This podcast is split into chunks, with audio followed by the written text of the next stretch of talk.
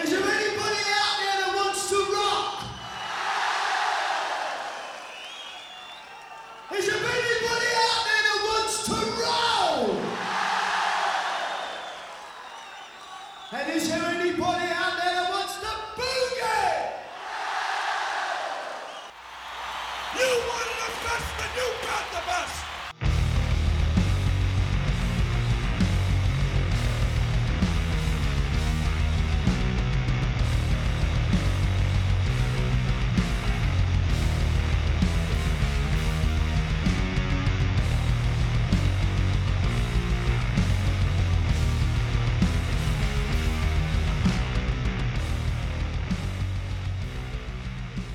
Hej och välkomna till ett nytt avsnitt av Patchtrollen.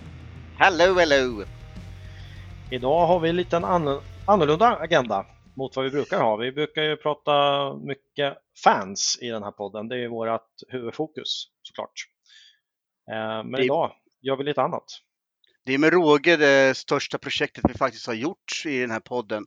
Och eh, vi beslutade oss för att för en gångs skull vara aktuella. Annars har, vi, har det mest handlat om att vi har eh, snubblat in en frispark eh, när vi har varit aktuella. Men inte den här gången. Den här gången är det medvetet. Precis. Och det är ju eh, coronasituationen i, i musikbranschen då som eh, såklart påverkar oss alla. Allt från fans till band, arrangörer, spelställen, skivbolag och så vidare. Så det här har vi valt att eh, titta lite närmare på och helt enkelt prata med folk i branschen och se hur det har påverkat deras respektive situationer och hur de ser på framtiden. Ja, eh, det handlar ju inte om att utbilda någon i corona eller någonting. Där finns det ju folk som är bra mycket mer lämpade till det än vad vi är. Eh, utan eh, ju mer vi pratade om det här så märkte vi då vilken enorm, vilken enorm maskineri det är egentligen som, som bara stannar upp på, från en dag till en annan. Ja, och på obestämd tid. Det är ju ingen som vet någonting om framtiden. Kommer det här pågå i antal månader till eller pratar vi år eller när kommer man kunna återgå till någon form av normalitet? Vad nu normalitet är kan man ju också fundera på.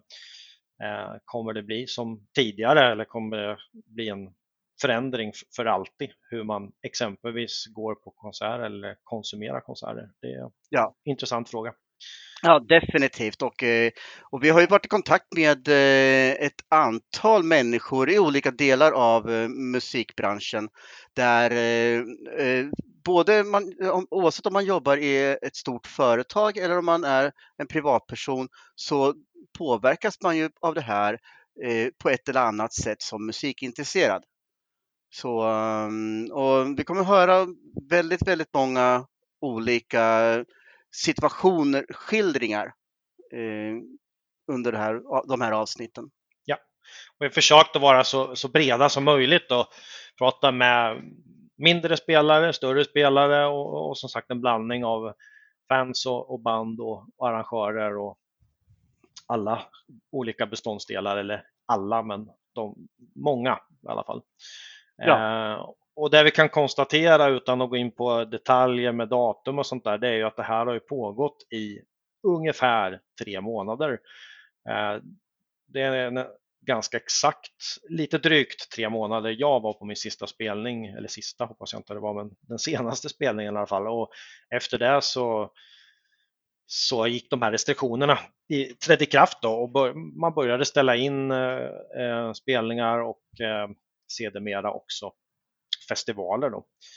Eh, både du och jag hade väl sett fram emot en ganska intensiv eh, festivalsommar här med Sweden Rock och Lollapalooza och Stockholm Americana och allt vad det var. Men eh, allt är ju inställt nu hela sommaren. Det finns väl några events som faktiskt eh, inte har ställts in. Jag tänker på Rambling Man Fair, man skulle gå ut med någonting imorgon. Det finns säkert fler festivaler än den, men det är den som jag själv har haft lite under luppen i och med att jag tänkt att gå på den. Men de har faktiskt inte ställt in än, vilket förvånar väldigt mycket. Det Eh, är förmodligen det beskedet som kommer imorgon måndag. Det, det skulle förvåna mig om det inte blir så faktiskt. Ja, ja.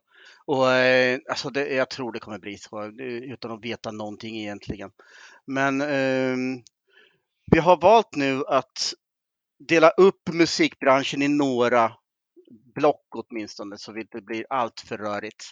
Eh, och vi har då, i och med att vår podd eh, i grund och botten är eh, ett fokus på fans så tänkte vi att vi börjar där. Och eh, vi kommer sen även gå över i arrangörer, band, konsertlokaler och media och skivbolag och så vidare. Alla ska komma, få komma till tals här och, eh, och vi kommer höra eh, rätt mycket om hur, att man faktiskt är jävligt driftig. Ja, många har eh, låtit väldigt eh, positiva ändå med, med tanke mm. på all allt negativt som det här för med sig såklart mm. så är det många som ser möjligheter istället för problem. Så det, ja. det, det, är kul. Man hittar liksom nya vägar och förändrar sitt, sitt beteende helt enkelt. Så ja. det, det är jättekul. Man, måste ju, ja, ja. Kör, kör. man måste ju göra det i och med att den här, eh, det är en jätteskillnad från att tjäna pengar på eh, biljetter som, eh, som köps till inga biljetter och be bara sitta och betala tillbaks. Det, det, är klart, det blir en märkbar skillnad eh, för, eh, på ett eller annat sätt. Så att, eh, ja, driftigheten är intressant. Mm. Onekligen. Och vi har ju ställt ungefär samma frågor till, till alla som vi har intervjuat. Då. Så det, det är tre huvudfrågor egentligen. Den första är ju såklart då, hur har situationen påverkat er? Eh, och den andra frågan är om man har gjort några anpassningar eller förändringar, vilket som sagt många har gjort. Och eh, slutligen då om man, vad man tror om framtiden. Hur kommer det här påverka musikbranschen och sättet att exempelvis eh, turnera, gå på konserter och så vidare. Eh, och vi eh, ska börja med, med fansen som, som eh, vi själva är. Då. Först så fick jag ju sån här konsertabstinens. Eh, och eh, så allting började ju, blev ju mörksvart i stort sett. Så, så man började försöka hitta andra kanaler. Köra, kolla lite på Youtube på tv hemma och sådär. Och, eh, men eh, det, det räckte ju kanske lite grann, men det var ju inte riktigt som man fick sitt... Eh, man får ju liksom inte samma stämning. Man får inte sitt eh, behov uppfyllt på samma sätt som när man är på plats på, med alla människor och, och den energi som, och det samspel som man har med, med bandet på scen. Så det, det var ju och dels är det inte live heller. Men sen dök det ju upp lite sådana här äh, livestreams och det visar sig att det funkar till viss del, även fast man befinner sig i soffan hemma då. Ehm, men det är ju fortfarande väldigt, väldigt äh, långt ifrån vad det är man är, det samkväm man är med van vid och all den stämning och den uppbyggnad äh, som är både inför och efter ett gig. Ehm, ja, med alla polare och, och all den, alla de människor, nya människor som man träffar. Så det är väl som alla andra som eh, springer på många, många konserter och livespelningar och sådär. Att, eh, de, de, finns ju faktiskt inte kvar i, i, i, i det här. Sen får man vara glad att det kommer ut en del annat då, så att det kommer en del gamla spelningar som man har varit på. Jag tänker, ja, men jag tänker bara att Lundell på Berns har ju dykt upp på Spotify. Winnerbäck eh, från Globen i höstas också dök ju upp här. Åh, alltså den, jag kan du ärligt säga, jag trodde inte det skulle påverka en så mycket. Det beror på att man kanske tänker att det skulle vara en kort period. Men nu har det gått i alla fall en, två månader ungefär och jag tycker nog att för mig har det påverkat väldigt mycket. Både med just den här typen av tillvaron som man har när man är på en spelning. Just eh, träffa nytt folk och den typ av stämningen som man är så van vid att liksom utnyttja och liksom ta del av. Eh, och just den känslan av en inspelning, det saknar jag jättemycket. Och just det här med den knutpunkten med att träffa folk. Eh, både nära och kära och sen sådana människor som man lär känna också har man ju tappat nu lite också. Eh, så att, och sen såklart lite, jag känner ju att en spelning för mig betyder ju väldigt mycket, både för mig psykiskt också, för att kunna få någon typ av inre ro. Så att nu får man ju ja, kompensera med andra saker istället. Men eh, det har nog påverkat mer än vad jag trodde i alla fall, ja. Vi hörde precis Tony Asplund som bor i Vårgårda utanför Göteborg och eh, Anders Nyström som bor i Tyresö i Stockholm och eh, Sara Broman som bor i Göteborg prata om sina upplevelser kring eh, den här coronasituationen. Och eh, vi lämnar ordet till dem igen för att höra lite om vilka eventuella anpassningar och förändringar de har gjort. Sen har det ju blivit lite mer eh, plattköp faktiskt. Eh, lite supportköp till, till olika band eh, online. Kollat lite mer på Ebay men jag har fortfarande inte hittat eh, samlingen rätt komplett vad det gäller så, eh, Metallica. Så jag har inte dykt upp så jättemycket mer där. Men en del skivköp har det blivit i andra genrer faktiskt. Jag har väl fortsatt och kanske ökat min konsumtion av nedladdade konserter från den här sajten nugs.net där ju bland annat Springsteen och Metallica ger ut en massa konserter men eh, även några av mina favoriter, eh, Jason Isbell and the 400 Units. Jag har spenderat ja, deras sex av sju kvällar på Ryman Auditorium från i oktober så eh, har jag lyssnat in under den här perioden i alla fall. Så att, eh, dyker upp lite annat. Och, så, då. så får man eh, hitta, hitta dem istället och sen så är det klart att alla kör de här livestreamsen och så. Jag har väl kollat en del av dem. Men det är, ja, det är någonting annat än en, vad ska man säga, en riktig konsert på något vis då, i alla fall. En del riktigt bra, absolut. Eh, men eh, någonting annat än att gå på Slaktkyrkan eller på Nalen klubb eller eh, ja, vilken annan, vilket annat spelställe som helst egentligen. Så Jag hade ju i år eh, köpt både till Sweden Rock, Wacken och Gävle Metal Fest och alla tre har ju blivit flyttade till nästa år exempelvis. Så att festivalbiten är ju också en stor upplevelse i sig att träffa folk och eh, lyssna på nya band och just den typen av stämningen och så. Så det är ju också någonting som man nu, semestern är ju väldigt tom nu när man ska planera och så. Så att då gig också, jag vet bara för en eller två veckor sedan så skulle jag ha tre gig eh, på raken nästan under en vecka och alla tre har ju blivit inställda nu såklart. Så att sådana saker har ju blivit att ens kalender är mycket tommare nu, i alla fall för mig som lyssnar på väldigt mycket musik och umgås med folk och, och sådana saker. Ja, alltså något som jag är väldigt tacksam över som, alltså det största engagemanget är nog ifrån många band också, att man har börjat livestreama. Eh, både Wacken har ju livestreamat väldigt mycket konserter eh, sedan tidigare och så. Eh, och många band har ju nu startat upp att de ska ha lite spelningar som jag vet Asta Kask ska jag ha det här. Jag tror att det var den 16 maj exempelvis. Så sådana saker blir lite nytt nu, men det, det, är lite spännande också och det blir en, ett nytt sätt att lyssna på musik. Eh, så jag tror ändå på något vis så får man plocka de här bra delarna. Jag har tittat ganska mycket på gamla videos ifrån eh, spelningar och eh, festivaler som man har varit på. Så det har man ju tagit till sig och man lyssnar ju på mer musik hemma och med vänner som man drar ihop ett gäng.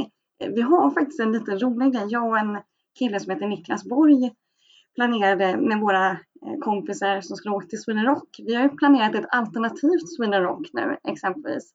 Så vi ska åka upp till hans sommarstuga och slå upp camp och förmodligen slänga upp något partytält och köra musik på det viset och ta del av den här njutningen som man har när man hänger ett camp innan man ska gå på ett gig eller liknande. Så att, eh, det är lite sådana grejer, man får, vara lite, man får vara lite fantasi nu tror jag för att försöka få det så bra som möjligt. Och vad tror ni om framtiden då? Man kommer ju ta chansen mer och, och se band live ännu mer än vad jag gjorde förut tror jag.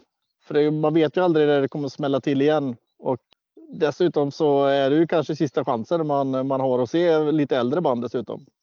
Det finns ju såklart en, en risk att många av de här äh, bokningsbolagen och många av dem som ja, men driver de här äh, ser till att det kommer artister äh, faktiskt går i konkurs under den här perioden därför att de inte har några intäkter helt enkelt. Så det kan ju göra att det tar längre tid innan man kan komma igång. Tänker jag kan vara en del, men det är väl också möjligen någonting som i sådana fall också är övergående för då finns det säkert någon annan som startar ett nytt bolag och kör bokningar och så. Men eh, kan väl också tänka mig att en del större spelningar, det kanske inte är det första alla kommer att springa på, vilja springa på någon stor Ullevi-spelning eller eh, Tele2 Arena eller någonting sånt utan kanske, kanske att de här mindre spelningarna eh, är mer attraktiva inledningsvis i alla fall. Sen så över tid så tror jag nog ändå att vi eh, rimligen kommer tillbaka till där vi var innan. Sådär. Så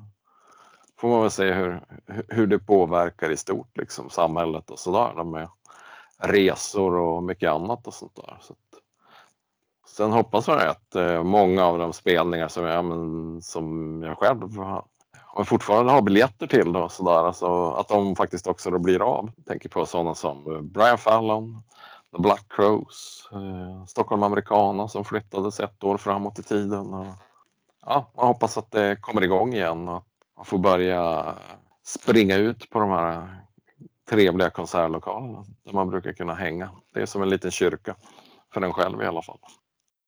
Jag tror det kommer påverka väldigt mycket, alltså från olika aspekter. En del är just det här med att, eh, det här med ekonomiska biten, att man sponsrar och vill eh, hjälpa band exempelvis, eller vet du, typ av eventverksamheter som är ganska små, som Belsupum bland annat som har varit ute och värnat om att få exempelvis bidrag och sådana saker. Så jag tror att på något vis så kommer man nog köpa mer exempelvis merch ifrån själva bandet och kanske inte köpa ifrån någon underleverantör eller något där inte pengarna går direkt till bandet exempelvis eller direkt till själva eventorganisationen. Eh, sen tror jag det absolut viktigaste, jag tror att vi inte får ta saker för givet heller. Eh, och verkligen njuta av den stunden man får ha när man är på en spelning eller på en festival eller liknande. För vi pratade om det häromdagen som ett exempel när man säger att ah, nu ska de Maiden spela på Ullevi igen. För oss är det ju ganska vanligt att de kommer kanske, vi säger vartannat eller vart tredje år och spelar. Men om vi tar någon annanstans i världen där man kanske inte spelar lika ofta. Jag tror de tar vara på det mer den stunden än vad vi gör. För vi är så vana vid att, ah, ja men ser jag inte dem den här sommaren så kommer de kanske nästa sommar. Så jag tror att leva i nuet lite grann och verkligen njuta av tillvaron och som sagt inte ta det för givet. Mm. Det där sammanfattar nog eh, de flestas känslor eh, av de som brukar gå på konserter eh, relativt ofta. Och eh, anledningen till det här projektet var att vi skulle gräva oss ner lite så vi eh, slänger oss rast över till eh, arrangörerna och ser vad de har att eh, säga om det här. Mm. Och där har vi pratat med Marie Lindqvist som är VD på Stockholm Live som arrangerar konserter i bland annat i Globen, Tele2, Friends Arena. Vi har pratat med Annika Troselius som är informationschef på Gröna Lund. Grant Purdy, marketing manager på KB i Malmö. Och vi har även pratat med Olof Wikström som är grundare och ägare till eh, Skrikhult som eh, arrangerar eh, konserter. Och sen har vi även vår poddkollega Henke Branneryd som här får agera arrangör faktiskt för att hans, han har hjälpt till med Studio Gröndal. Det har påverkat vårt företag eh, väldigt drastiskt i och med att eh, det enda vi gör är ju egentligen stora folksamlingar. Så att eh, från och med 12 mars så från en dag till en annan fick vi stänga ner hela vår verksamhet i, här i Stockholm men faktiskt över hela världen eftersom att vi ingår i, i ett företag som driver 350 arenor så att det har fått enorma konsekvenser för oss. Vi har ju i princip eh, näringsförbud. Mm. Och ehm, det är inte bara vårt bolag utan vi, vi är ju en del utav en stor näringskedja. Så att jag brukar säga att om vi, om vi gör en stor konsert på Tele2 Arena eller Friends Arena så kanske vi har 2000 personer som är inne och jobbar. Eh, och många av dem är ju Eh, frilansare, eh, småföretagare, som ser till att eh, elen är dragen och att det är byggnationer och att det städas och säkerhet och värdar, värdinnor. Så att mat och dryck inte minst med kioskpersonal och kockar och så vidare. Så att det för, för oss som bolag och för branschen så har det här påverkat oss enormt hårt. Ja, på alla sätt skulle jag vilja säga. Redan när vi fick det första eh, eller när vi blev informerade egentligen om eh, att regeringen införde den här begränsningen för allmänna sammankomster och, offentliga tillstånd till 500. Så redan då så insåg vi att det kommer innebära att vi inte har möjlighet att öppna vår verksamhet.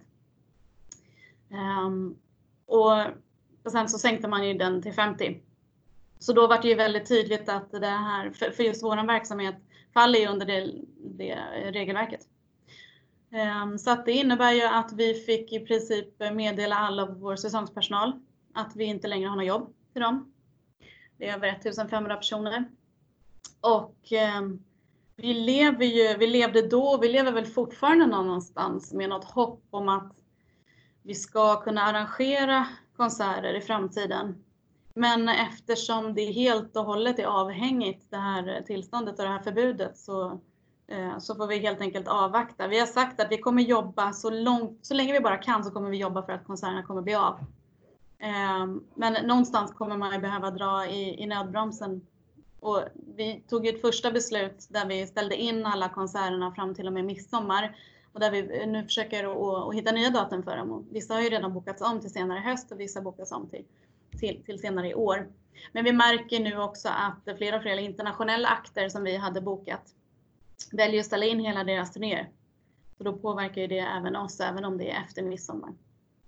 Så att det här får ju en, en, enorm effekt på hela vår verksamhet för att i princip så har vi näringsförbud nu, skulle man kunna säga. I princip alla våra spelningar nu under våren och eh, som det ser ut, sommaren kommer liksom ställas in. Eh, eller flyttas, de flesta, de allra flesta flyttas. Um, uh, så först har vi börjat flytta lite till hösten och så nu känns det som de mesta flyttas till nästa år. Uh, för vi vet inte riktigt.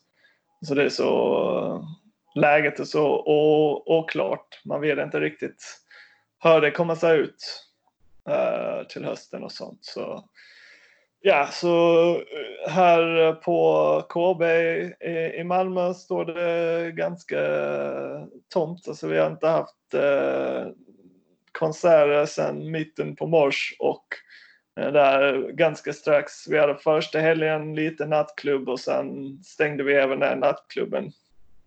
Um, men vi har eh, vår restaurang i huset är fortfarande öppet så vi har i alla fall lite verksamhet. Ehm, eh, men ja, som sagt de, de vanliga vanliga spelningar och nattklubbarna är on hold. Och ja, vi vet inte när, när det kommer att köras igång igen. Ska man se det som jag försöker se det så fick jag semester. jag är väl inte riktigt, jag skulle säga det, att jag är inte riktigt representativ för den här branschen tror jag, men för mig kom det här rätt så passande faktiskt jag har en liten buffert på banken. Jag har, eh, bor väldigt billigt. Jag har inga anställda just nu. Jag har kontoret hemma. Så jag har inga direkta utgifter. Så man får skjuta upp allting. Och, men pengarna kommer ju förhoppningsvis in senare då. Och man har, knappt, man har inte knappt haft semester på 26 år. Så att det kommer rätt så passande faktiskt. Sen så, sen så blir det ju en 3, 4, 5 månader utan att man får en krona i inkomst. Och det är ju mindre roligt. Men ska det ändå hända så var det väldigt passande. Förhoppningsvis. Det, mest, det som har gått har jag skjutit upp till hösten. Och det är, mm. det är till 90 procent. Sen är det ett par saker som eh, fått ställa in men eh, det kommer förhoppningsvis nästa år eller något sånt. Det är bara det att inga nya datum. Uh, oj, nu har ju påverkat jättemycket. Eller min dagliga verksamhet som är Rockpodden. Den har ju rullat på egentligen precis som vanligt. Ett avsnitt varje torsdag. Jag möter folk face to face och det har jag fortsatt att gjort. Eh, så det har rullat på. Men det som sysselsätter mig mest nu för tiden, det är liksom alla kringarrangemang kring Rockpodden och alla ringar på vattnet som det ger.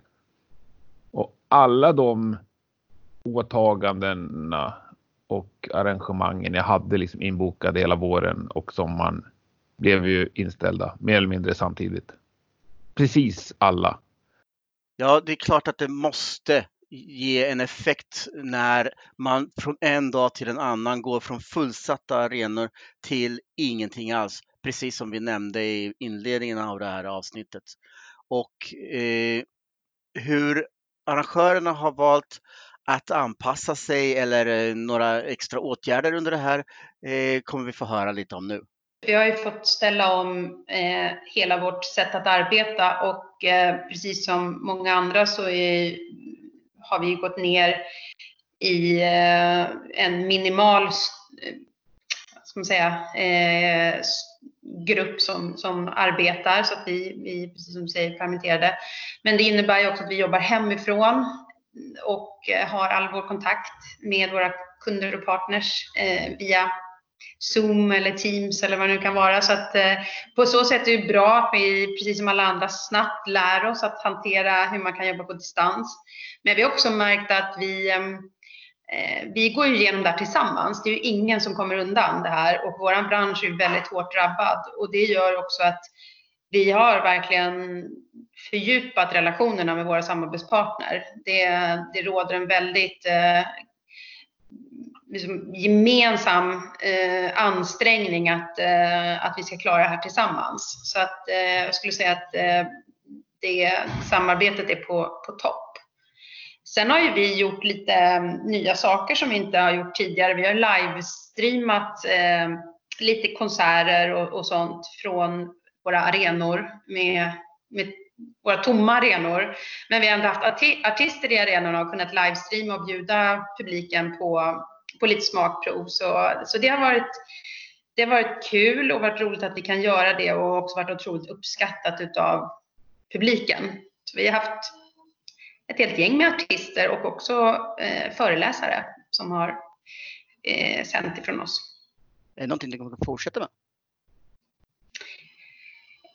Ja, det är möjligt att vi kommer göra det. Eh, men vi är ju grund och botten eh, arenor som är gjorda för publik. Ja. Så att har vi möjlighet att samla publiken in i arenorna, för det är ju en, som vi menar en väldigt stor del av underhållningen, att man upplever tillsammans på plats.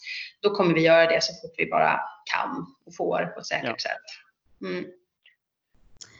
Ja, vi har faktiskt någonting spännande på gång men som jag faktiskt inte kan prata om just nu. Eh, så jag vet inte när den här podcasten eh, kommer sändas så kanske redan är ute. Men eh, vi har ju fått massor med kreativa idéer om att eh, kan man inte öppna Gröna Lund för 50 personer bara, eh, högst, högst betalande och sådär.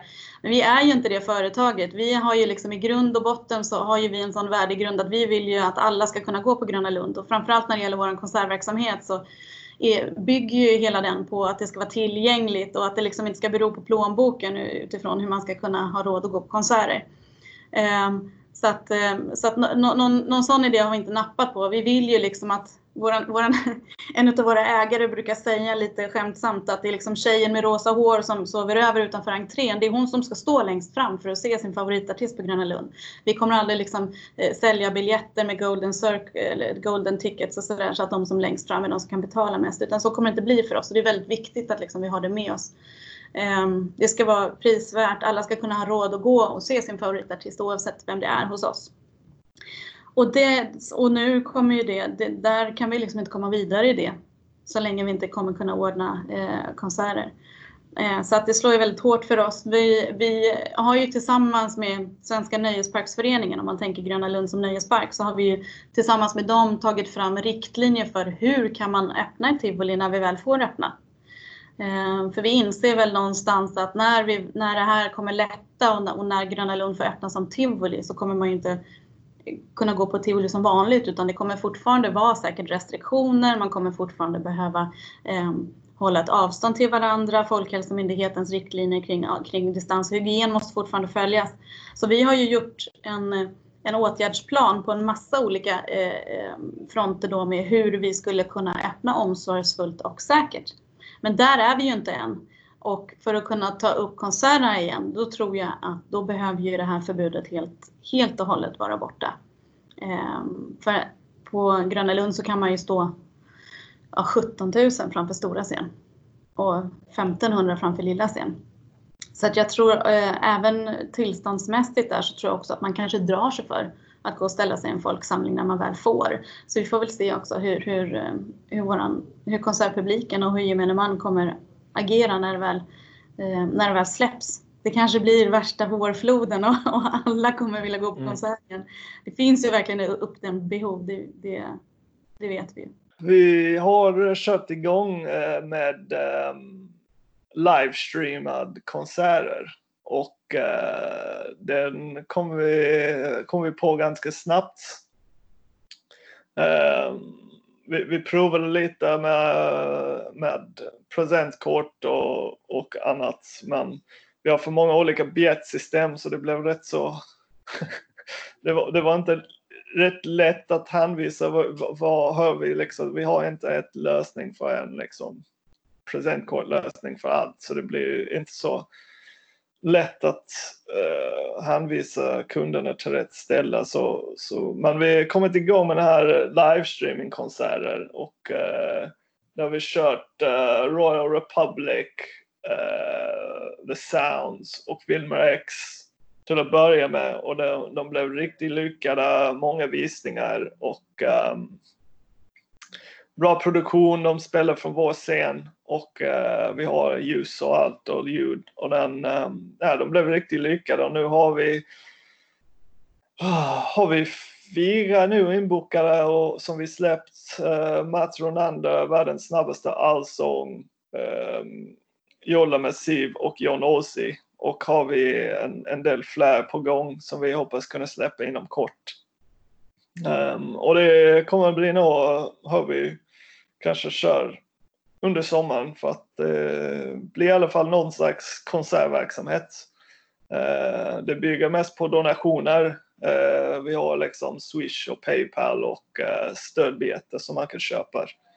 Och eh, ja, det, folk verkar också villiga att eh, slänka, slänga, eh, ge en liten slant till eh, för de tittar på spelningarna hemma. Så ja, det känns som en bra en bra upplägg helt enkelt i nuläget. Jag sitter i den situationen så alla regeringens eh, stödåtgärder, där faller jag lite mellan stolarna. I och med att man sitter i den här buffert, med, med en liten buffert och sånt så så har jag valt att bara skita lite i det och ta det, ta det lugnt istället. Och låta de som verkligen är i behov av pengarna att söka dem och ta dem. Och, och om, om folk vill stödja branschen så då är det ju att köpa biljetter till de spelningar som sker i höst. För det är det som behöver. Det är ju en hel bransch där allt cashflow bara har stannat av. Så att, eh, och spelningarna till hösten, och köper man en biljett till en spelning så är det ju med 95 eller 98 procent säkerhet att eh, den blir av eller blir framflyttad så att biljetten gäller eller man får tillbaka pengarna. Så att det, det är nog det, är det bästa sättet att stödja på om man vill göra en insats. Nej, men vi är ju ett gäng som har gjort en rad spelningar i, ja, eller studiosessions ifrån Studio Gröndal här i Stockholm.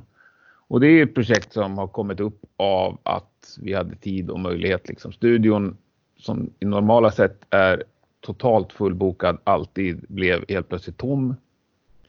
Och då står vi med en världsklassstudio och en producent och ljudtekniker i absoluta världsklassen också som inte har någonting att göra. Och eh, det var väl egentligen killarna i filmteamet som väckte idén och sen så blev jag lite mellanhanden mellan dem och banden. Och så har vi bokat massa band och kört en rad fantastiska liksom, gig eller livestreamade studio sessions eller vad man ska kalla det. Och vi har gjort det som pay per view för att hela, hela grundidén från början var ju att ge band en vettig chans att tjäna pengar. I dessa tider som det heter. Och eh, där ville vi ha liksom en högklassproduktion. Så det är liksom en ganska dyr produktion men det är också att man inte alls behöver skämmas och ta liksom 80 eller 100 spänn eller sådär som vi har tagit för det. Och det är ju liksom CD-kvalitet på ljudet och det har ju varit suveräna gig och suveräna band så det har varit skitlyckat från alla håll tycker jag. Och vad tror ni om framtiden då? Ja, jag tror att det absolut kommer leda till förändringar. Dels är det ett stålbad för vår bransch, så att vi får ju se också på andra sidan här hur, eh, om kartan har ritats om. Eh, det kommer väl tyvärr vara så att inte alla kommer att överleva det här så det kommer nog se lite annorlunda ut kan jag tänka mig. Eh, beteendet från biljettköparna återstår ju att se. Vi, eh, vi tror ju att det kommer finnas en väldig aptit för att eh, få uppleva eh, live när vi kommer ut på andra sidan. Men det är klart att eh, det, det, kommer vara en, en process att, som man säger, en, en, ja, en process eller en eh, upptrappning innan vi, vi kommer tillbaka där, där vi var. Sen får vi ju också se hur eh, det globala resmönster och, och sånt påverkas. Eh, och det är ju inte bara biljettköpare som kommer internationellt. Eh, det är ju också artister och produktioner och också målgrupper. Vi har ju vissa artister som vänder sig till en äldre publik, ehm, lika med riskgrupper. Vi har ju också artister själva som är riskgrupper.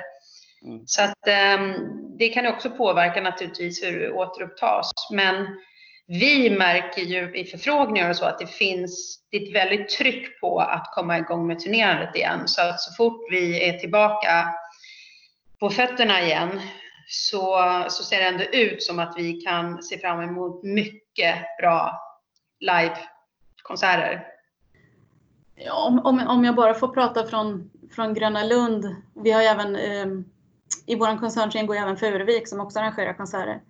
Eh, jag tror att vi kommer ju alltid vara en konsertarena tror jag. Alltså Gröna Lund har ju hållit konserter sedan, sedan början av 1900-talet med liksom från allt från opera till hårdrock. Vi brukar säga att vi, vi bjuder på allt från Marilyn Manson till Sven-Bertil Taube. Det är en ganska bred, eh, det är ett ganska brett spektra. Ehm, jag, jag, tror inte att det kommer förändras där. Ehm, däremot så tror jag att alla kommer nog att tänka till mer. Så jag tror att vi har varit lyckligt, eh, lyckligt ovetande, och lyckligt naiva lite i vår inställning till vad ett virus och vad smittspridning faktiskt kan ställa till med jag tror att alla kommer vara mycket mer medvetna tror jag eh, i framtiden.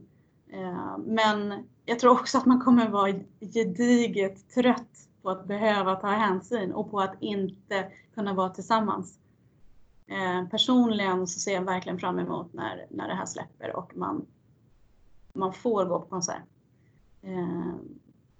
Men, men vi, vi vet ju faktiskt inte hur, hur andra kommer att reagera. Men jag, jag tror personligen att det finns ett uppdämt behov man vill ju se musik live.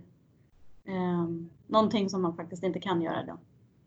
I den närmaste framtiden så att säga, om liksom, vi tittar nu till hösten så som sagt, vi vet inte riktigt vad, vilken, um, om vi kommer ha ytterligare begränsningar, hur länge de begränsningar som finns nu kommer att liksom vara och sånt. Men det är självklart att det kommer liksom kanske behövas en viss anpassning på plats eh, på själva spelningarna liksom. Eh, men eh, det, det är fortfarande å, ganska oklart eh, hur det kommer att bli. Det känns som det är vissa länder som börjar titta på denna fråga. Men eh, ingen har riktigt kommit på liksom, hur man ska göra, liksom, om man ska nu ha folk inne på en lokal. Om det ska fortfarande vara sån social distancing ja, det, det, så det, men det, det kommer vara någon påverkan liksom den närmaste tiden. Uh, definitivt på det fronten liksom. Uh, hur man arrangerar det praktiskt liksom. Uh, och, och, när den kanske börjar blåsa över så ja, den kommer försvinna. Men jag tror också den här med um, det känns som det här med livestreaming kommer kanske bli en grej framöver. Eh, också som kanske lever kvar även efter detta för att som vi sagt, eh, sett på liksom kommentarer på vår sida och sånt, folk tycker det är, det är faktiskt ganska gött och, och de vill titta och det är kanske folk som inte kan ta sig ner till eh, en konsert eh, för de bor ute i, ja, långt ifrån staden där konserten ska äga rum och det kanske en bra lösning för vissa att de kan sitta hemma och titta och eh, så jag tror att den biten kanske lever kvar i någon slags i någon form. Jag vet inte exakt hur den kommer se ut heller om ett år liksom. Eh, för det är ganska nytt för alla i branschen liksom. Men, eh, jag tror den kommer utvecklas ganska mycket under den kommande tiden. Um, och jag ser även till hösten att det kanske är fortfarande folk som inte vill gå på spelningar för att de vill hellre vara hemma och inte riskera att bli smittad. Så det kommer också vara en viktig lösning då. Men även efter det tror jag att det, det kommer vara en bra lösning för att liksom, ja, den kommer att leva kvar. Och sen hur den kommer påverka, ja, om biljettpriser och vem som är ute och turnerar. Det är mycket sådana grejer jag frågar också liksom eftersom ja, man vet inte hur flygbiljetten kommer att kosta. Det kanske blir jättedyrt. Det kanske blir inte så lönsamt för mindre band att åka på stora turnéer på andra sidan världen. Jag vet inte liksom. Så det är många sådana grejer som kan kanske påverka. Ehm, um, biljettpriserna kanske folk inte har råd med dyra biljettpriser liksom. Och man måste tänka om gage och sånt. Men ja, det, det, den biten kommer att påverkas såklart ganska mycket också. Det är väldigt svårt att säga. Jag tror att eh, det är lite som skivkraschen när den var för en lite år sedan. Att det är mellannivåerna som eh, blir drabbade. Det är ställena med eh, sängkapacitet på 400 till 1000 pers ungefär. För de sitter ofta med väldigt höga hyror och eh, små marginaler. Sen har jag lite dålig koll på, eller alla sitter ju i skiten så det är dumt att eh, peka ut någon, men jag tror att det är de som kommer att ryka först. Gå dit och håll avstånd och ta någon öl eller ta någon hämtlunch eller något sånt där. Men eh, hitta något bra och säkert sätt och att de genererar pengar. Det är väl det enda rittet man kan göra.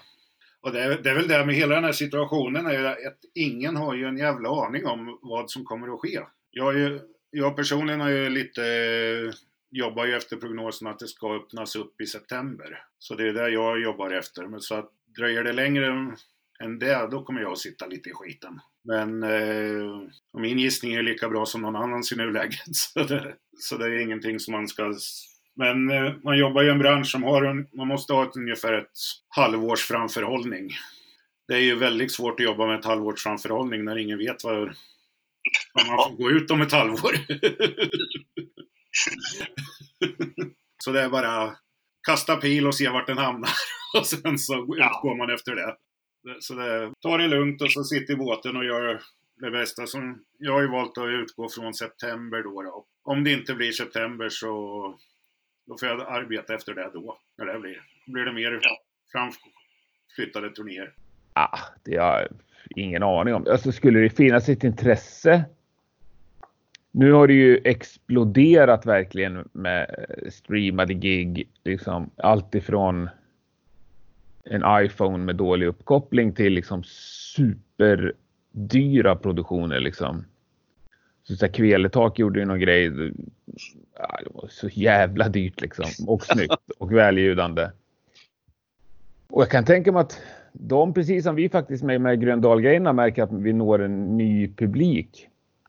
Och det har banden också sagt liksom. Många sitter hemma med familjen. Ja, fick jag ta med mina barn på, på deras första gig liksom. Då sitter de hemma i soffan och käkar chips och kollar på storbilds-tvn. Och helt uppenbart hade ju de också njutit av det i normala tider liksom. Eh, så det är väl omöjligt att säga om, om liksom, marknaden kommer tillräckligt stor för att göra ganska dyra produktioner även i framtiden. Men ja, jag kan ändå tänka mig det. Det vet ju vi liksom. Alltså, det var inte så att alla människor stod i kö för att gå på live-gig innan corona. Utan det var en krisande bransch redan då när folk, de allra flesta liksom väljer att sitta hemma i soffan och dricka bärs istället för att gå ut och kolla på band. Så ja, man kanske ska bjuda tillbaka och låta dem sitta kvar i sin soffa liksom, och skicka hem gig till dem. Inte att vi ska sluta med livespelningar men det är möjligt att många kommer upptäcka att det här är ett bättre sätt att nå ut till folk. Liksom. Jag, jag hoppas ju att vi, vi aldrig kommer gå på gig som är mer än tusen pers och att alla är tvingade att gå på rockklubbar varje dag i resten yep. av sitt liv. Yep. Och det kommer också tvinga alla band att bara lira på rockklubbar. det var en hel del om arrangörernas situation och deras tankar och actions för framtiden. Och som ni hörde så finns det ju fortfarande ganska stora möjligheter att uppleva livemusik fast på ett annat sätt. Ehm, och här tänkte jag gå vidare med, med banden och höra lite om deras situation och tankar framåt. Ehm, vi kan väl prata med där. Ja, eh, det finns ju såklart eh, en mängd olika band som drabbas eller träffas av den här situationen. Men vi har tittat på eh, svenska band som har en karriär både här hemma och i utlandet. Och, ehm, och vi har pratat med Cecilia Boström från The Baboon Show, eh, Adam Gran från eh, Royal Republic, Elin Larsson från Blues Pills, eh, Niklas Dango Källström från Truck Fighters och den irländska sångaren Brendan i Sir Surridge. Så får ni öva på lite engelska också. Ja, eh, vi har ju inte kunnat göra de livespelningar som vi hade planerat att göra i år. Eh, Baboon Show spelar ändå ganska mycket live. Det är liksom våran grej tänkte jag säga. Vi älskar att spela live och eh, vi måste lite få göra det för att eh, det är vårt blod på något sätt. Så att, eh, men nu har vi inte kunnat spela någonting live då sedan corona bröt ut. Vi hade en helg som var lite sådär eh, precis när det hade startat. Då tänkte vi, ah, ja men vi kanske kan åka ändå. Det var i Spanien vi skulle till då. Men så här efterhand känns det ju tur att vi beslutade oss för att inte åka. För hade vi gjort det hade vi nog blivit kvar i Spanien. Och det hade väl kanske inte funkat så superbra med familjerna och stå där hemma. Um, men vi har ändå haft hyfsat tur eh, för att vi spelar in en ny platta nu. Eh, och det hade vi planerat sedan tidigare så att vi hade, har, hade inte så himla mycket bokat eh, i år hur som helst. Så att för oss så är det ju, ja alltså det är skittråkigt såklart.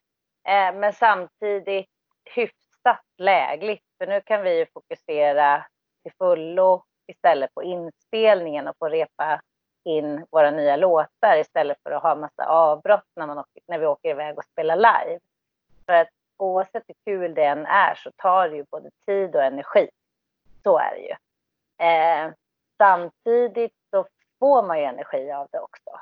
Så att det kanske är lite mindre ja, vad ska man säga, man är kanske inte riktigt lika pepp så nu. Eh, för man vet inte hur länge, hur länge, hur länge det här ska hålla på.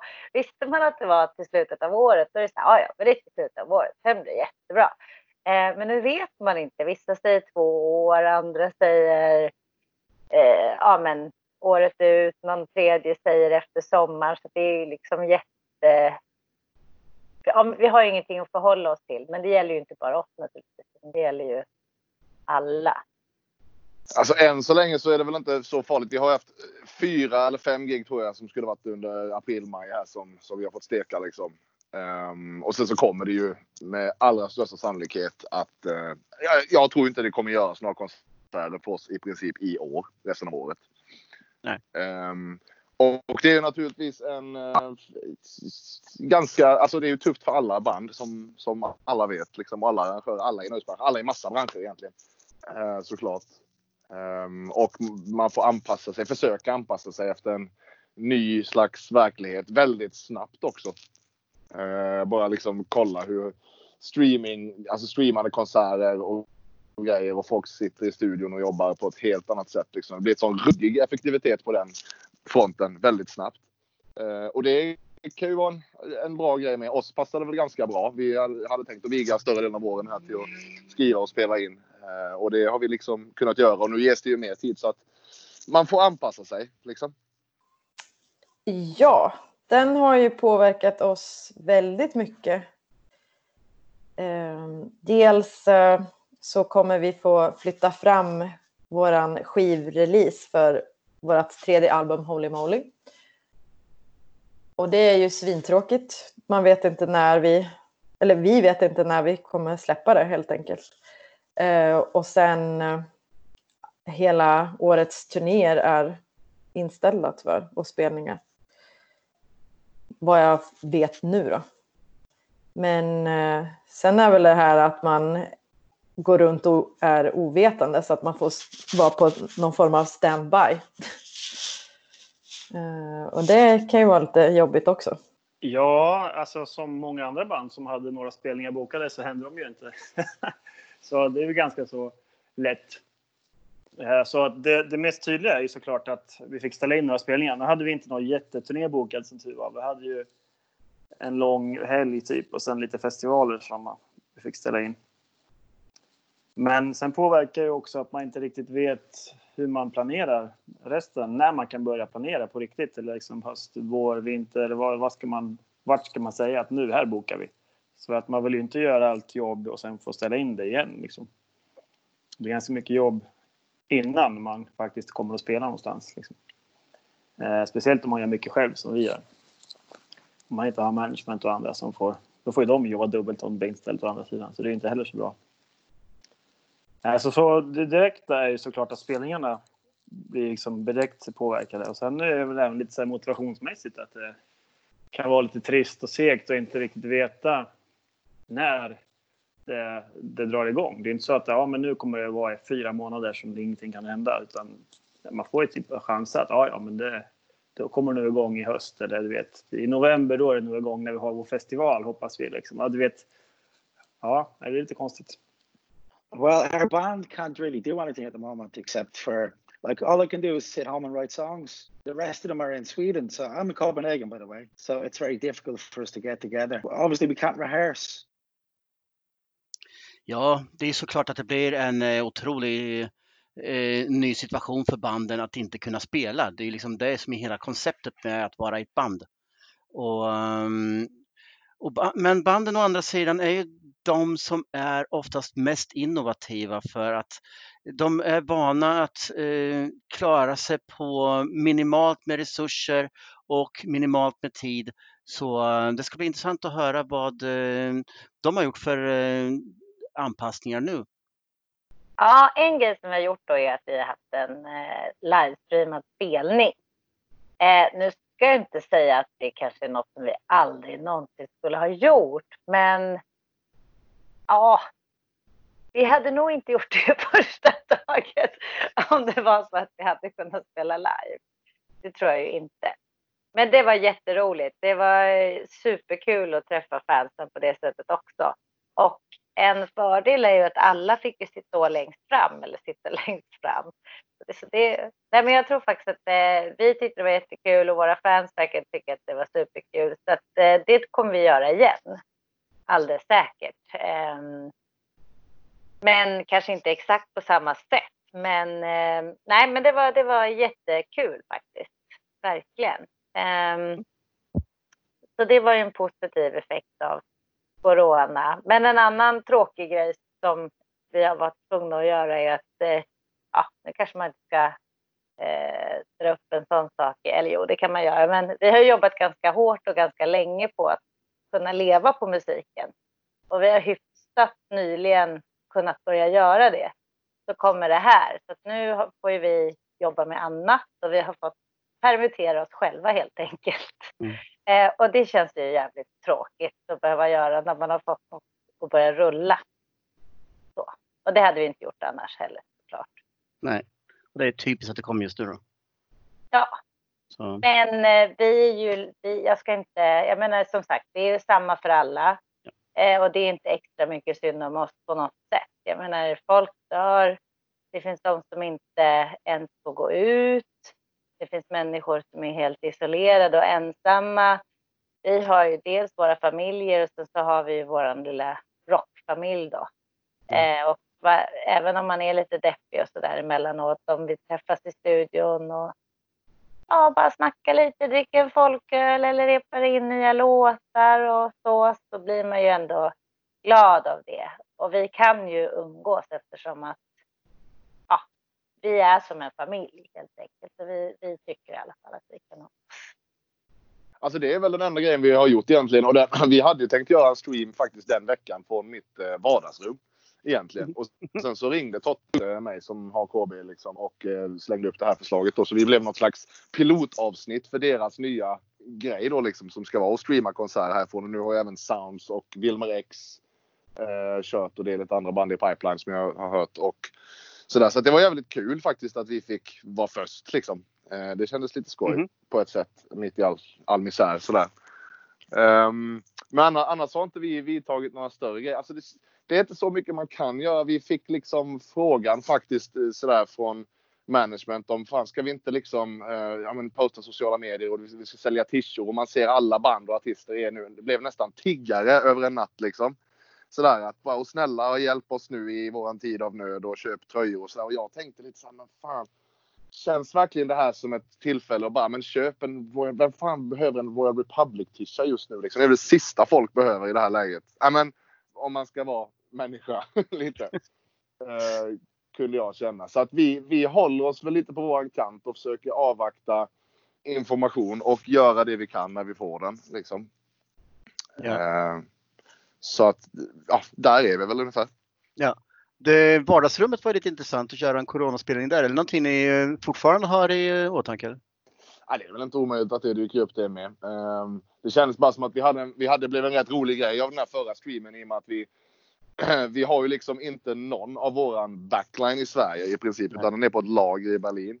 Eh, Så att vi kan Ja. i princip inte göra en konsert med någonting annat än vårt första album då som är ganska straight up liksom rock och ös. Sådär bara två gitarrer och bas och trumset liksom. Så att vi skramlade ihop det vi, det vi kunde få ihop. Vi har en studio här i Malmö också.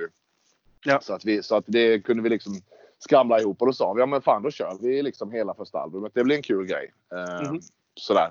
Jag har faktiskt inte hunnit sitta ner och titta så mycket själv. Jag kollade lite på The Sound Stream eh, härifrån och det var sjukt nice. Det lät väldigt, väldigt bra.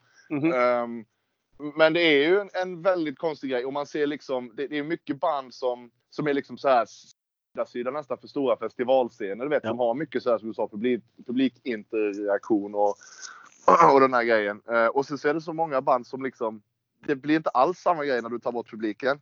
Och vissa band liksom är, är med att musiken kan stå för sig själv lite. Du måste inte ta av, liksom, alla tar av tishan och viftar liksom, för att det ska bli fett. Ehm, så att det är också, ja, det är skumt. Det, det är väldigt skumt alltihopa. Jag skriver väldigt mycket musik just nu eh, och försöker bara skriva så mycket som möjligt. Och det gör de andra också. Eh, Sen så försöker jag bli lite bättre och mer insatt på sociala medier och, och så vidare. Olika verktyg så. Eh, Och nu har jag också börjat söka jobb. Vanliga jobb. Så eh, det är väl vad jag har gjort nu då. Vi har inte gjort någonting än så länge. Eh, nej, men vi snackar om att göra något sånt där som många andra gör. Göra någon stream kanske och liksom låta folk donera eller släpp, liksom, släppa någon speciell t-shirt för folk som vill liksom, stödja i coronatiden och så vidare. Men vi hade ju ändå så pass tur så vi gjorde vår, vårens liksom, stora turné i USA var ju i februari. Liksom. Så precis i slutet på den så brakade ju hela skiten lös här i Europa. Och eh, så åkte vi hem och då kom det till USA. Så, eh, ja, nej, men det gör väl att vi inte är riktigt lika påverkade som andra band kanske. Så har man haft en månads turné i liksom april, maj, mars, det har inte varit så värst kul. Liksom. Och kanske speciellt om man åker till länder som USA där ett visum kostar en 20 000 per person. Liksom. Får man inte tillbaks bara för att turnén blir inställd. Liksom. Uh, nej, så det, det är klart, det är klart det är så. Men jag tycker väl ändå att. Ja, det är konstigt. Mycket sådär. Just den osäkerheten tror jag, är- tycker jag är det som är mest liksom, konstigt. Det skulle väl vara okej om alla visste att ja, men nu är det ett halvår när det inte händer något och sen är det som vanligt igen. Liksom. Det är lite lättare att hantera i alla fall. We haven't done anything like, say, live streams or that sort of thing. We're just keeping our social media updated with photographs and like memories from gigs we've done over the past couple of years. So we we don't have the possibility to do live streams because I'm here and the rest of the band are in Sweden. But otherwise, we probably would. You know, it's a good way to bring in a revenue, and uh, we've lost out a good bit on this We lost some gigs. We lost flight money. So it's just it's it's a bit of a pain in the ass, you know. Onekligen tufft för en del band. Hur eh, tror de då att framtiden kommer se ut vad gäller att turnera och genomföra konserter? På ett sätt så tror jag ändå att det inte kommer påverka livebiten jättemycket för att eh, både banden och publiken tror jag väldigt gärna vill uppleva saker IRL så att säga. Eh, men jag tror absolut att eh, det här öppnar upp för streamade konserter på ett mycket snabbare och på ett helt annat sätt än tidigare. Det är ju jättebra på så sätt att det är tillgängligt för väldigt, väldigt många fler människor än om du spelar i Hamburg till exempel. Eller vilken stad du nu spelar i. Eh, så på så sätt så tror jag att det är bra. Sen har ju nu också folk fått upp en form av, vad ska man säga, acceptans för att man visst kan kolla på en rockkonsert streamad. Jag menar, det är ju någonting som man har gjort länge. Alltså opera och sådana där grejer har de ju visat på storbildsskärm i flera år. Men om man tänker liksom rock och popgenren, där har man ju aldrig gjort det. Det är ju så här unplugged-spelningar på MTV på 90-talet på sin höjd. Mm. Som man kanske har tittat på. Men annars så finns ju ingen som kunde drömma om att man skulle gå och se och kolla på en konsert som är streamad. Nej. Det fanns ju inte. Men nu finns det det och jag tror absolut att eh, även om allting lättar och man kan göra vanliga spelningar igen så kommer nog streamingen att finnas kvar. Till Mm. exempel att man streamar en livekonsert inför publik. Sådana produktioner tror jag absolut kommer att eh, bli en grej. Ja du, herregud. Uh, nej, men, man känner sig tråkig här för allting är så. Man kan inte ge några definitiva svar. För det Nej. finns ingen definitiv information riktigt. Nej. Och det är väl det som är, så, som är det absolut svåraste att förhålla sig till tycker jag. eh, med hela detta och för allihopa. Eh, att det finns liksom inget att, ja men den 31 augusti kör vi. Okej, då vet vi det. Fram till dess, det är tre månader eller vad det nu må vara, liksom tre och en halv. Då, då löser vi det dit och sen hoppar vi på igen. Eh, utan det här kan ju liksom gå lite hur som helst. Eh, och vad ska man säga? Alltså vi, vi följer våran plan som, som vi har här nu. Vi liksom tänker använda tiden så gott vi kan här i studion. Eh, och sen är det ju på något sätt ganska mysigt att catcha upp på lite familjetid med även om man inte kan eh, besöka farmor och farfar och så vidare. Eh, på det här sättet. Men alltså så mycket familjetid som jag har haft sista två månaderna har inte jag haft på två senaste åren liksom. Ehm, så att på något sätt kan jag väl känna att det är lite mysigt också faktiskt. Och eh, man får liksom suga i, suga i sig av det som går och suga i sig av just nu. Hitta, hitta de grejerna som möjligtvis kan vara eh, positivt i, i det här. Liksom. Ja, men det är ju sådana här situationer där alla blir lite ett. Allting annat blir liksom, det är mycket annat i alla fall som blir ganska oviktigt. Eh, På det stora hela. Bland annat då Royal Republic t-shirt liksom. Eh, nej, men, nej, men och typ råkap. Så, sånt som är väldigt hett i våra, ja, i vårat samhälle, i våran värld. Eh, som debatteras eh, hetskt och passionerat eh, och sådär. Och just nu får liksom allting stå på paus och alla blir på något sätt reducerade till bara människor liksom. Och man Ja. får reda på, det blir klart för alla vad som verkligen är viktigt för en. Liksom. Så att jag, jag vet inte, det, det är väl klart att vi, att vi längtar ut och, och sådär och får, får göra våran grej igen. Och det hoppas vi verkligen att vi ska få göra eh, för oss och för alla andra. Ehm, sen jag menar, det snackas ju om att det både ska bli ett sånt här enormt sug nu om, om det skulle vara så att det öppnas upp för konserter igen i olika storlekar. Det kan ju vara att de öppnar för konserter med 500 människor eller du vet festivaler får öppna och så vidare. Det finns så många olika scenarion. Ja. Eh, och samma där liksom att det snackas väl om att antingen så vallfärdar folk och du vet nu ska alla gå på konsert och det är guldläge för alla. Eller så blir det ett lite mer försiktigt läge där folk känner att äh, folk är fortfarande lite, ja men inte skraja men liksom försiktiga. Det kanske är så att det är många som har tappat jobbet. Liksom folk, det finns inte samma marknad. Folk har inte råd liksom, på samma sätt. Alltså det kan, det kan gå på så många olika sätt eh, i nuläget. Sen samtidigt så tror jag inte att, att arrangörer då och band, om man gör det enkelt, är intresserade av att fucka varandra heller. Liksom. Det skulle kunna, man skulle kunna tänka att arrangörerna har guldläge för alla band vill spela. Mm. Eh, så då, då kan vi liksom, ja men ni får spela för öl liksom. Ni får inget betalt, eller du vet. Men, men det vinner ju ingen på liksom. Utan alla måste på något sätt hjälpas åt i de här drabbade branscherna också och hålla varandra flytande lite. Ehm, så att, ja. Det är som sagt, det, det är väldigt svårt att ge några definitiva raka svar. Framförallt när man sitter här alltså, så Ja. som fucking musiker. Liksom. Jag känner att man ska bara hålla käften just nu och eh, lyssna på proffsen lite. Ungefär Lite som när vi spelar. Då får alla andra hålla käften så pratar jag. Liksom. Eh, Det kan jag inte svara på riktigt, men alltså det är ju.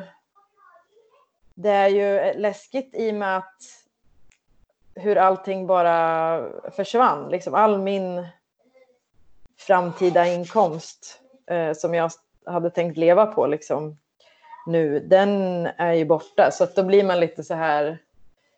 Det borde finnas någon form av försäkring för oss och vi är på ett sätt i våran eh, bransch så är vi ju väldigt utsatta också. Liksom vi, jag menar, jag visste typ inte ens förrän några månader sedan att jag kunde gå med i a-kassan till exempel. Så det är ju, men det är ju mitt eget fel. Men jag hoppas att på något sätt att man kan få mer liksom, trygghet i att jobba som musiker men, och artist. Då. Ja, det återstår väl att se såklart. Men jag kan tänka mig att det blir mer vanligt med seriösa streamer som folk kanske till och med tar betalt för också och sen är villiga att betala för för att de vet att, att de stödjer banden. Liksom. Eh, det kan jag tänka mig. För det har blivit väldigt mycket sånt nu och eh, det verkar ju som att det funkar ganska bra. Det är uppskattat. Liksom. Och turnémässigt så är jag rädd för att om en massa flygbolag går i konkurs så blir det mindre konkurrens. Då blir det dyrare att åka runt och turnera över kontinenterna. Eh, man, sen vill man ju ändå tro att även om det är klart att det är jättesvårt för vissa klubbar och arrangörer eh, så på kort sikt kanske det är svårt för framförallt mindre band att ens turnera för att det kommer vara mindre klubbar som fortfarande finns och det kommer vara fler band som behöver turnera av de större banden som börjar få in pengar. Eh, så små band kanske får det ganska så körigt ett tag och ens få några gig kan jag också spekulera i. I'm sure it will be. Like this whole livestream thing, I reckon that will continue for a while anyway, even when the, the gigs come back. But I'm just uh, worried about the audiences because you know yourself, going to a festival, a gig, the best thing about it is uh, like the music, obviously, and the people around you. Yeah. It's a whole experience. So I really don't want to go there to a festival and have to social distance.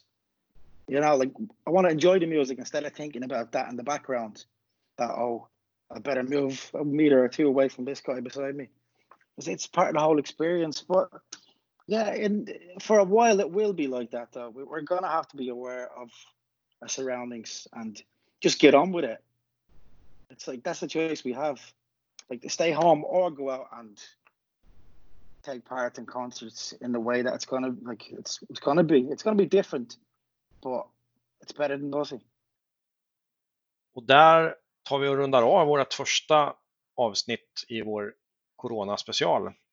Jättestort tack till alla er som ville vara med och eh, prata med oss i det här första avsnittet.